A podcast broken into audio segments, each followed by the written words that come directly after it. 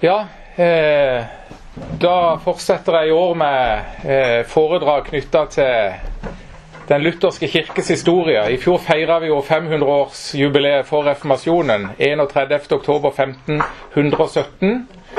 Og da tenkte jeg nå må vi jo sånn sett gå videre i kirkens historie. Så nå er vi jo i dag i 501 etter reformasjonen. Og Arne nevnte jo i dag den første reformasjonsfeiringa i 1617, 100 år etter reformasjonen.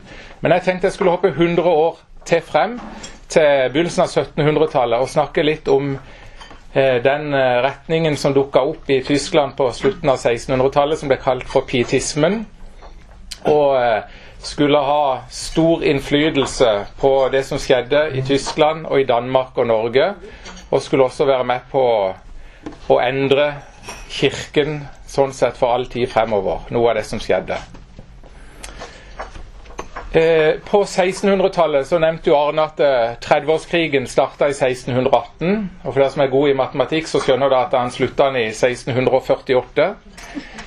Og eh, Det kalles ofte for 30-årskrigen i bestemt form entall, men i, egentlig så var det mange forskjellige kriger som pågikk i Europa samtidig. Og I utgangspunktet så var det en krig mellom de to største fyrstefamiliene i Europa. Habsburgerslekta i Østerrike-Ungarn og det franske kongehuset om hvem som skulle ha herredømme i Europa.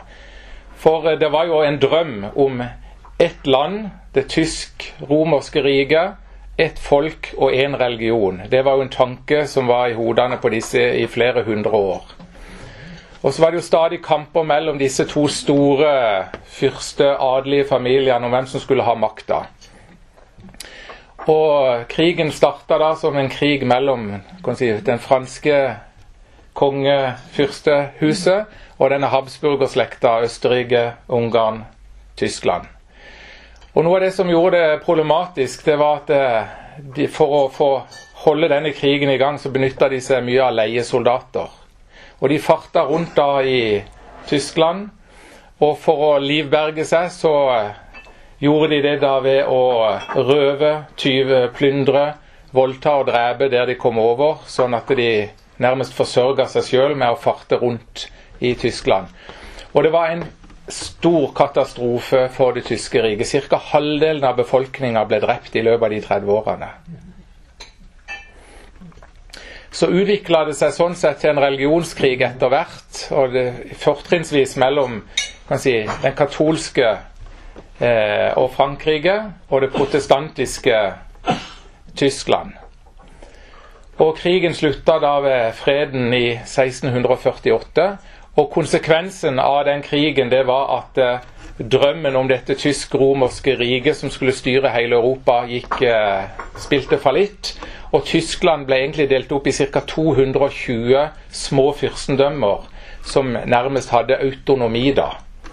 Og keiseren av dette tysk-romerske riket mista makta si, sånn at han hadde ikke lenger lov til å kreve skatt av disse forskjellige fyrstendømmene. Han kunne heller ikke Eh, eh, gi lov, en sånn felles lovgivning for det tysk-romerske riket. Sånn at eh, Da var vi litt sånn tilbake til det gamle føydalsamfunnet hvor det satt en konge på hver sin haug med hver sin borg. Og Da skulle jo sånn sett Tyskland bygges opp i etterkant av det. Og rent sånn kirkelig så var ca. to tredjedeler av prestene også enten drept i forbindelse med krigen eller pga. pest, nød og sult. Sånn at kirkene og fyrstendømmene sto også ganske ribba tilbake.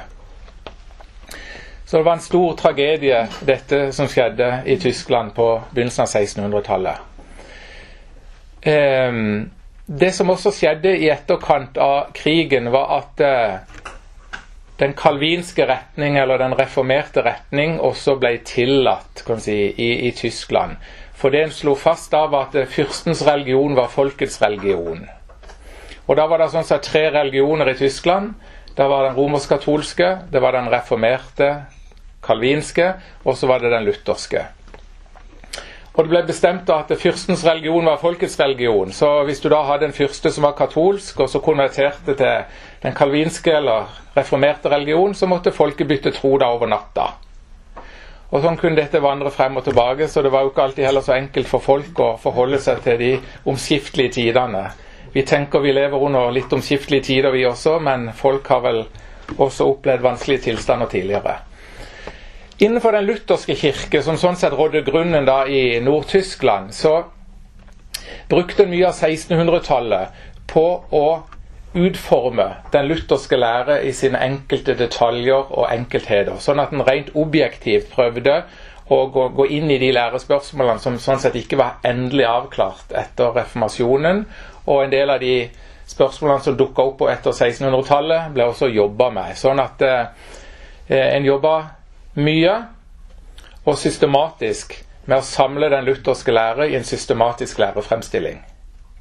Og Mye av utdanninga på de teologiske universitetene handla da om å trene de kommende prester på debatt, polemikk og trosforsvar. Sånn at de kunne forsvare seg mot romersk-katolske angrep, sånn at de kunne forsvare seg mot reformerte angrep, og at de sånn sett var rusta til å forsvare den lutherske lære i en periode hvor det var veldig urolig.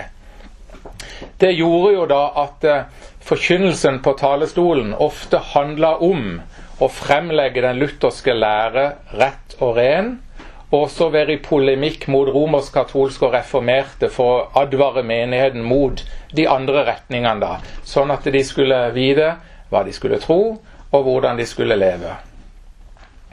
Og Luther sier jo at eh, vi er ofte som en full mann på hesten, og det sa jo også Aren i dag. Enten detter ned på den ene sida i loviskhet, eller detter ned på den andre sida i antinomisme. Så du kan si en falt vel litt ensidig ned på å være veldig opptatt av lære, det læremessige innholdet. Og så eh, hadde nok ikke øye og hjerte med seg i forhold til en del av de utfordringene som vanlige folk levde under, som analfabeter, fattigdom, eh, barn som var foreldreløse osv. Så sånn at det, eh, det er klart etter en sånn en krig så var samfunnet grunnleggende i uorden. Og når det kommer fra talerstolen, og hvis det da er ensidig er, nå må du huske å ha rettferdiggjørelsens artikkel rett, foran, rett for deg, og folk ellers ikke hadde det så lett, så kan jeg skjønne at noen tenkte i sitt stille kammer at eh, kanskje vi trenger en liten reformasjon for den lutherske kirke også, da. Og da kommer den tyske presten Philip Jakob Spener på banen i 1675. Og han skriver da en fortale til en sånn prekenbok av en tidligere tysk prest som heter Johan Arnt. Og Fortalen kaller han da for Pia desideria, fromme ønsker. Og i dette fortalen til denne postillen, som det da heter i gamle dager, så kommer han med noen forslag til hvordan vi kan da gjøre noen endringer innenfor den tyske lutherdom. Og Noen av de forslagene kommer med, det handler om at skal vi reformere og få den lutherske kirke på beina igjen, så er vi avhengig av den enkelte kirkegjenger. At han kommer til en personlig tro, og at han lever et fromt og gudfryktig liv. Det er sånn vi kan reformere Kirken. Og Da han kommer med disse forslagene, så blir det jo stort sett tatt godt imot. For det var jo ikke vanskelig å forstå at det da var en del uorden og en del nød i Tyskland. Men eh, etter hvert når eh, Spener og noen av hans venner prøvde å utforme den tenkningen han hadde i det praktiske liv, så gjorde de det bl.a. med å samle menigheten f.eks. søndag ettermiddag til oppbyggelige samtaler, til vitnesbyrd, og hvor også legfolk kunne få lov til å si hva de tenkte, hva de følte, og hva de trodde. Sånn at da fikk du på en måte samla små grupper i menigheten til oppbyggelige samlinger. Det var noe helt nytt, og det var ganske provoserende. For da mista prestene på en måte kontrollen. For da hendte jo også at noen legfolk samla seg uten at presten var til stede. Og det var jo skummelt, for da visste en jo ikke helt hva som foregikk. Og så ble det også et skille mellom prestene. De som syntes det var bra, og som samla menigheten etterpå til en kirkekaffe, leste litt fra Bibelen og prata sammen. Og de som tenkte at det, skal vi jammen meg ikke gjøre. Det, sånn, sånn, kan vi ikke ha det i vår menighet. Så fikk du også en skille mellom prestene.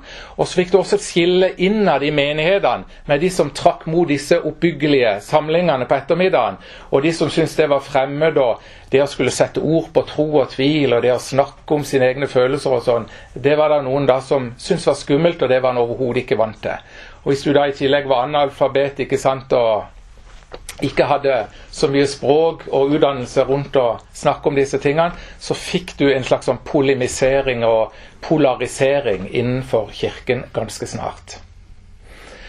Og da kommer jo en del av disse som vi kaller for ortodokse lutheranere. Så fremover nå kommer jeg til å skille mellom ortodokse lutheranere, det var de konservative som mente at dette ikke var så bra, og pietistene. Og Begge sto innenfor den lutherske kirke. Begge var enige i den lutherske lære, men hadde litt ulik tilnærming til hvordan en skulle møte tidens utfordringer. Og eh, når Spener da samla disse rundt seg, og hans tilhengere gjorde det samme, så spredde det seg en sånn en vekkelsesbevegelse inn i menighetene rundt i Tyskland. Og da var det noen av disse professorene, først og fremst ved universitetet i Wittenberg, de som var ved Luthers fysiske lærestol da, begynte å gå inn i talene til Spener, skriftene til Spener, litt sånn spioner ut i menighetene. Hva er det de gjør på disse møtene? Og så samla de det de da hadde fanga opp, og en av disse professorene utgir da ei bok som han kaller for uh, 'Fremstilling av den lutherske lære', hvor han anklager Spener og pietistene for hele 284 villfarelser. Og da skjønner vi at eh, da er jo dialogens tid forbi. Når du da blir beskyldt for innenfor den lutherske kirke å ha 284 feil i læren.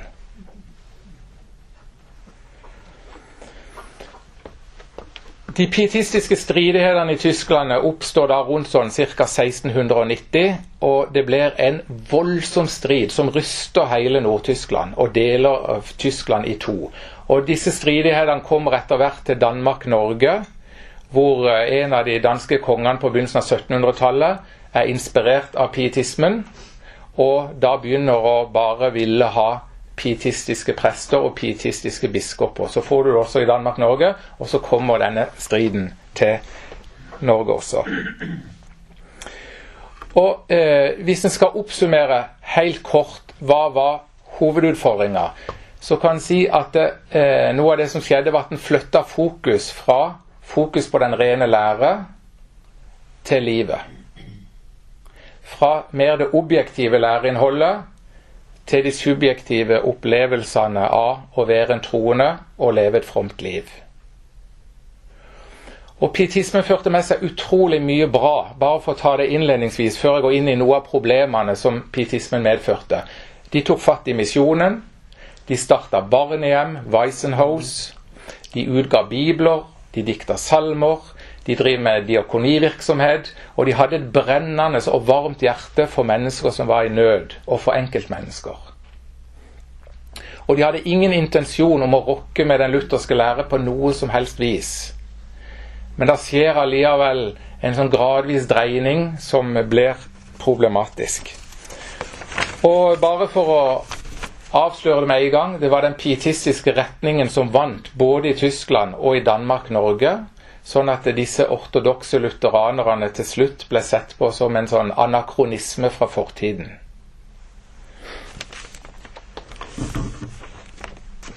Pietisme det kommer fra det latinske ordet 'pietas', som betyr from. Så pietistene da var opptatt av som kristne å komme til en personlig tro, ha et personlig forhold til Jesus og leve et fromt liv. Og det er jo ingenting galt med. Så Sånn sett så ønsker vi vel alle å være pietister i den sammenheng. Da ble mange si, spørsmål etter hvert som de begynte å diskutere. og En kirkehistoriker på den sida nevner opp 14 hovedpunkter som en sånn sett var uenig om, disse ortodokse lutheranerne og pietistene. Og I dag så har jeg bare tenkt å gå inn i ett av disse spørsmålene. Og Jeg har vært litt sånn spent på hvordan jeg skal gjøre det, for det er egentlig en ganske krevende teologisk debatt. Men han er utrolig prinsipiell, og samtidig så tror jeg han har stor betydning sånn for sitt eget hjerte. Så derfor har jeg tatt sjansen på å gjøre det. Og så kan godt være bommer. Det som eh, etter hvert, når en hadde begynt å diskutere, og det ene kampskriftet gikk frem og tilbake Det var en hel sånn virksomhet eh, som var i gang med å trykke skrifter og sende dem frem og tilbake og beskylde hverandre eh, for det ene og for det andre. Og I starten så skjøt den litt med avsagd hagle. Du har 284 villfarelser, ikke sant? Men så greide den etter hvert å snevre inn debattene og prøvde å bli litt sånn tydeligere på hva er egentlig forskjellen, hva går det egentlig i? Og det da som kanskje var kjerneutfordringa, det var synet på troen som skulle gripe Kristus og hans frelsesverk. Og denne troen, hvordan var denne troen? Hva var kjennetegn på denne troen? Sånn at du kunne skille den sanne og levende tro fra en falsk og en død tro. Det var pietistene opptatt av. For i den lutherske kirke så hadde en jo oppdaget evangeliet og funnet ut at en kunne komme til frelse uten å gjøre en eneste gjerning, i tro og visshet om at det Jesus gjorde, det holdt. Og at noe som var utenfor mennesket, lå klart å kunne gripes, og gripes i tro. Men når du da samtidig har en folkekirke, så vet vi jo folkekirkens utfordring. Da fødes du inn i den lutherske tro og tenkning. Og så var det mange da som sa ja, men jeg tror på Jesus, så er jeg jo frelst. Og så så en da i livet at det var ganske mange ting som vitna om at en kanskje ikke var, tok det så på alvor, eller at troen virkelig var sann, og at noen tok det for enkelt. Og da begynte Spener og disse og prøve å snakke om kjennetegnene på denne sanne og levende troen som griper Kristus. Hvordan kjennetegnes den, og hvordan kan vi skille den troen fra en sånn kjødelig, sikker tro? Og Da blir en seg inn i et nokså vanskelig landskap. Den eh, dansk-norske kirkes en av de største biskopene, Erik Pontoppidan, han hadde noen forelesninger for sine studenter på 1700-tallet når disse pietistiske, pietistiske stridighetene foregikk, og han oppsummerer problemet sånn. På 1600-tallet trøstet man seg til Guds rike nåde i Kristus Jesus, mens nådens orden, gjenfødelse og fornyelse satte man til side. Man hørte at troen alene gjør rettferdig og salig, men denne tros natur, liv og kraft til å forvandle hjertet kjente man ikke til. Og så trøstet man seg med at man var en kristen, evangelisk kristen, ortodoks lutheraner og lem av den eneste sanne kirke. Denne store hovedstøtte for kjødelig sikkerhet er en av de største hindringer for kristendommens fremvekst. Sånn oppfatter han tida. Og disse klagene de gjennomsyra alle disse pietistene. De klagde over tidens tilstand, og hvor kjødelig, sikkert og lettvint en omgikk med evangeliet og frelse ved tro alene. Og Derfor så begynte de da å eh, sette ord på hva slags tro er det da som er denne sanne, levende tro som griper Kristus, sånn at du som enkeltmenneske kan vite om er min tro falsk? Er han overfladisk? Har jeg tatt feil? Sånn at en da kan komme til visshet og ta avstand fra de andre som lever i sin kjødelige sikkerhet og bare trøster seg med at de er lem av den lutherske kirke. Og da uttrykker Spener seg sånn som dette.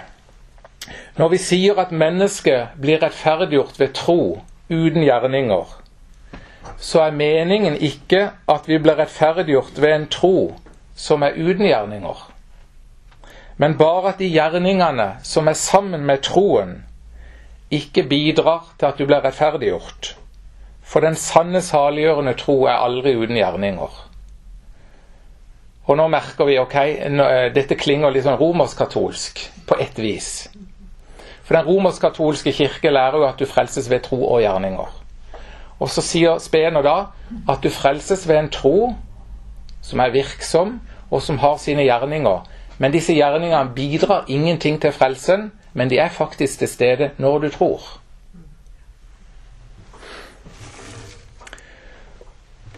For Speners hovedtanke var at den tro som griper Kristus fortje Kristi fortjeneste, det er jo ikke en død tro men han er levende, og han er virksom. For hvordan kan du gripe Kristus hvis troen er død? Og Derfor ble den store polemikken og debatten på den tida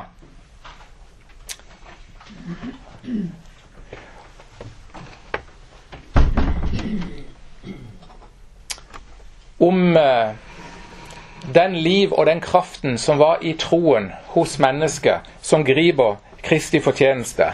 Og Hvis du da snakker om at troen er levende og troen er virksom, det er noe som skjer der, kan vi snakke om det uten at en da får en forståelse av at en bidrar noe inn i sin egen frelse? Eller kan vi snakke rent saklig om at det er noe med den troen, og allikevel tenke at Jesus har gjort alt, og det holder? Ta da den nyansen. Muligens. Det de pekte på da, det er at når vi snakker om denne levende troen, og hvor virksom han er, så kan vi snakke om den virksomheten på tre måneder. Det ene er om de følelsene og bevegelsene som oppstår i hjertet når det kommer inn i synserkjennelse og angrer sin synd. Da skjer det noe rent psykologisk i mennesket. Du kommer inn i anger. Du, eh, du eh, ser at det må skje noe med deg, og at du må få hjelp. Det er jo en ren sånn psykologisk erkjennelse i mennesket. Det er det ene de snakker om. Det andre at når du da strekker hånda ut mot Jesus for å ta imot frelsen, så er det en vilje hos deg og en lengsel hos deg etter å få komme der til å få tatt imot. Det er også noe som er sånn psykologisk erkjennbart. Og det tredje de da snakker om, at når du først har grepet Kristus, så vil du som troende også leve et hellig liv, sånn at troen kan si, flyter ut i gode gjerninger. Og Da var det først og fremst de to første tingene. Den psykologiske erkjennelsen at du er en synder, og den psykologiske erkjennelsen av at jeg lengter og ønsker å få tatt imot frelsen i Kristus, som de definerte under denne levende og virksomme troen, som de da, som mente at de var troende, måtte prøve seg i forhold til, for å skille dette fra en død og hykkelsk tro. Og Pietistene de brukte da bildet på ei hånd. og i fall Sånn som jeg er opplært, så er hånda ofte et bilde på troen. Og denne troen strek, hånda strekker en da ut for å ta imot den gaven en får av Gud, som er nåden og syndenes forlatelse i Jesus Kristus. Så sier de hvis, hvis hånda da er død eller malt, så kan hun ikke ta imot noe. Så hånda må jo tross alt være levende for at du i hele tatt kan ta imot noe. Hvis ikke tar du helt feil. Så da, da, ser vi at da flytter en litt fokus fra det objektive i evangeliet, det Jesus har gjort, til at en begynner å se på noe i seg sjøl og vurdere kvaliteten av det, for at en da skal være sikker på at en er i denne gjenfødte flokken av sanne troende. Lutheranerne så dette som nå skjedde, at en flytta fokus fra det objektive i evangeliet, dette som ligger utenfor mennesket, som mennesket ikke har bidratt til på noe som helst vis, og dette fokuset på det subjektive som skjer i mennesket i forbindelse med at mennesket kommer til tro. Og eh, En av de ortodokse lutheranerne sier da Herren som kjenner mitt hjerte, vet at jeg gjerne ville frikjenne pietistene fra all skadelig lære. Dersom det hadde vært en overbevisning i min samvittighet, men jeg er overbevist om at det pietistiske partis uordentlige iver mot den døde tro og deres uhyrlige beskyldninger om at iblant oss bare læres en slik død tro, altså innenfor ortodoks luthersk kirke, så fødte du egentlig bare død tro med måten du lærte på. Derfor er de kommet så langt at de nå blander sammen frelsens grunn, Jesus, og frelsens orden, altså hvordan mennesket føres til tro. Derfor har de mista den rette forståelsen av troen, eller står i stor fare for å føre andre mennesker bort fra Kristus. For det de hadde fokus på, og det de visste så smertelig, var at hvis en eh, engsta samvittighet skal få trøst og frelsesvisshet, så må han holde alt som har med gjerninger og sitt eget, borte fra sin egen frelse. Og Selve ordet rettferdiggjørelse det er et juridisk begrep som er henta fra rettsvesenet. Det, det, betyr at du kommer frem for en dommer, og så blir du enten dømt skyldig, eller så blir du frikjent og blir dømt rettferdig. Og da sier en av disse ortodokse lutheranerne fordi rettferdiggjørelsen skjer foran Guds domstol, altså den troende som kommer frem som synder og nagen foran Guds domstol og ber om nåde. Fordi denne frigjørelsen skjer foran Guds domstol, så kan ikke mennesket ta med seg noen gjerninger dit, verken gode gjerninger, og si til Gud fordi jeg har vært så god, så må du gi meg nåde. Eller andre, eller andre gjerninger som bare er der. For det kan flytte fokus og fra det Gud faktisk skal si til deg og gi deg, til noe hos deg sjøl. Så verken kan du komme og si jeg har gode gjerninger, eller kan du fordi du har, er sikker på at du angrer rett eller har vært gjennom en omvendelsens orden, så tør du tryggere komme frem for Gud. Kommer du frem for Gud, så kommer du frem som en nagen synder og tar imot alt, helt uavhengig av seg sjøl.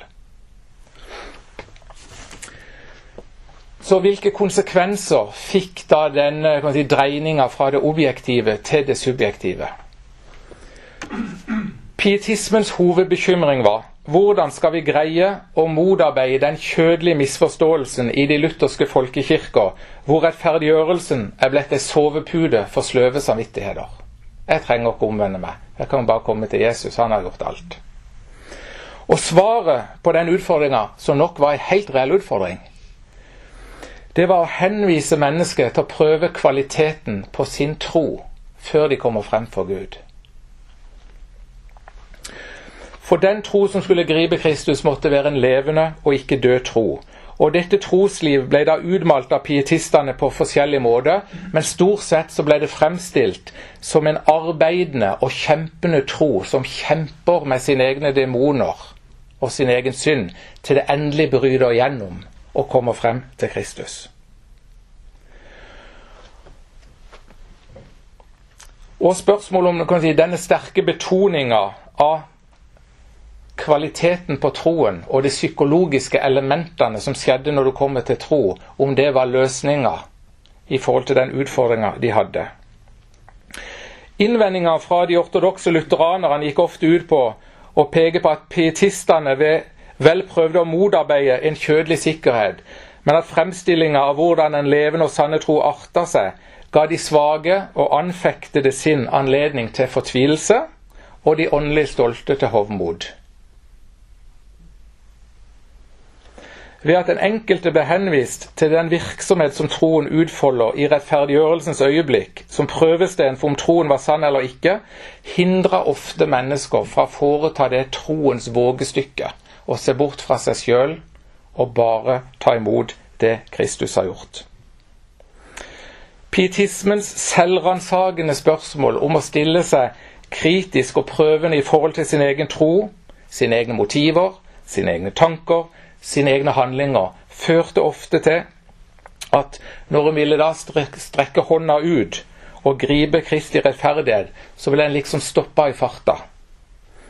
For fra prestens tale ble det nok sagt at Kristi fortjeneste og Guds alminnelige nåde den ligger jo klar for alle som tror.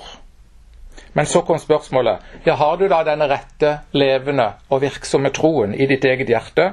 Hater du all synd? kjemper du alvorlig mot synden i ditt eget hjerte. Og så endte det for mange med at de ble stirrende på seg sjøl og sitt eget hjerte.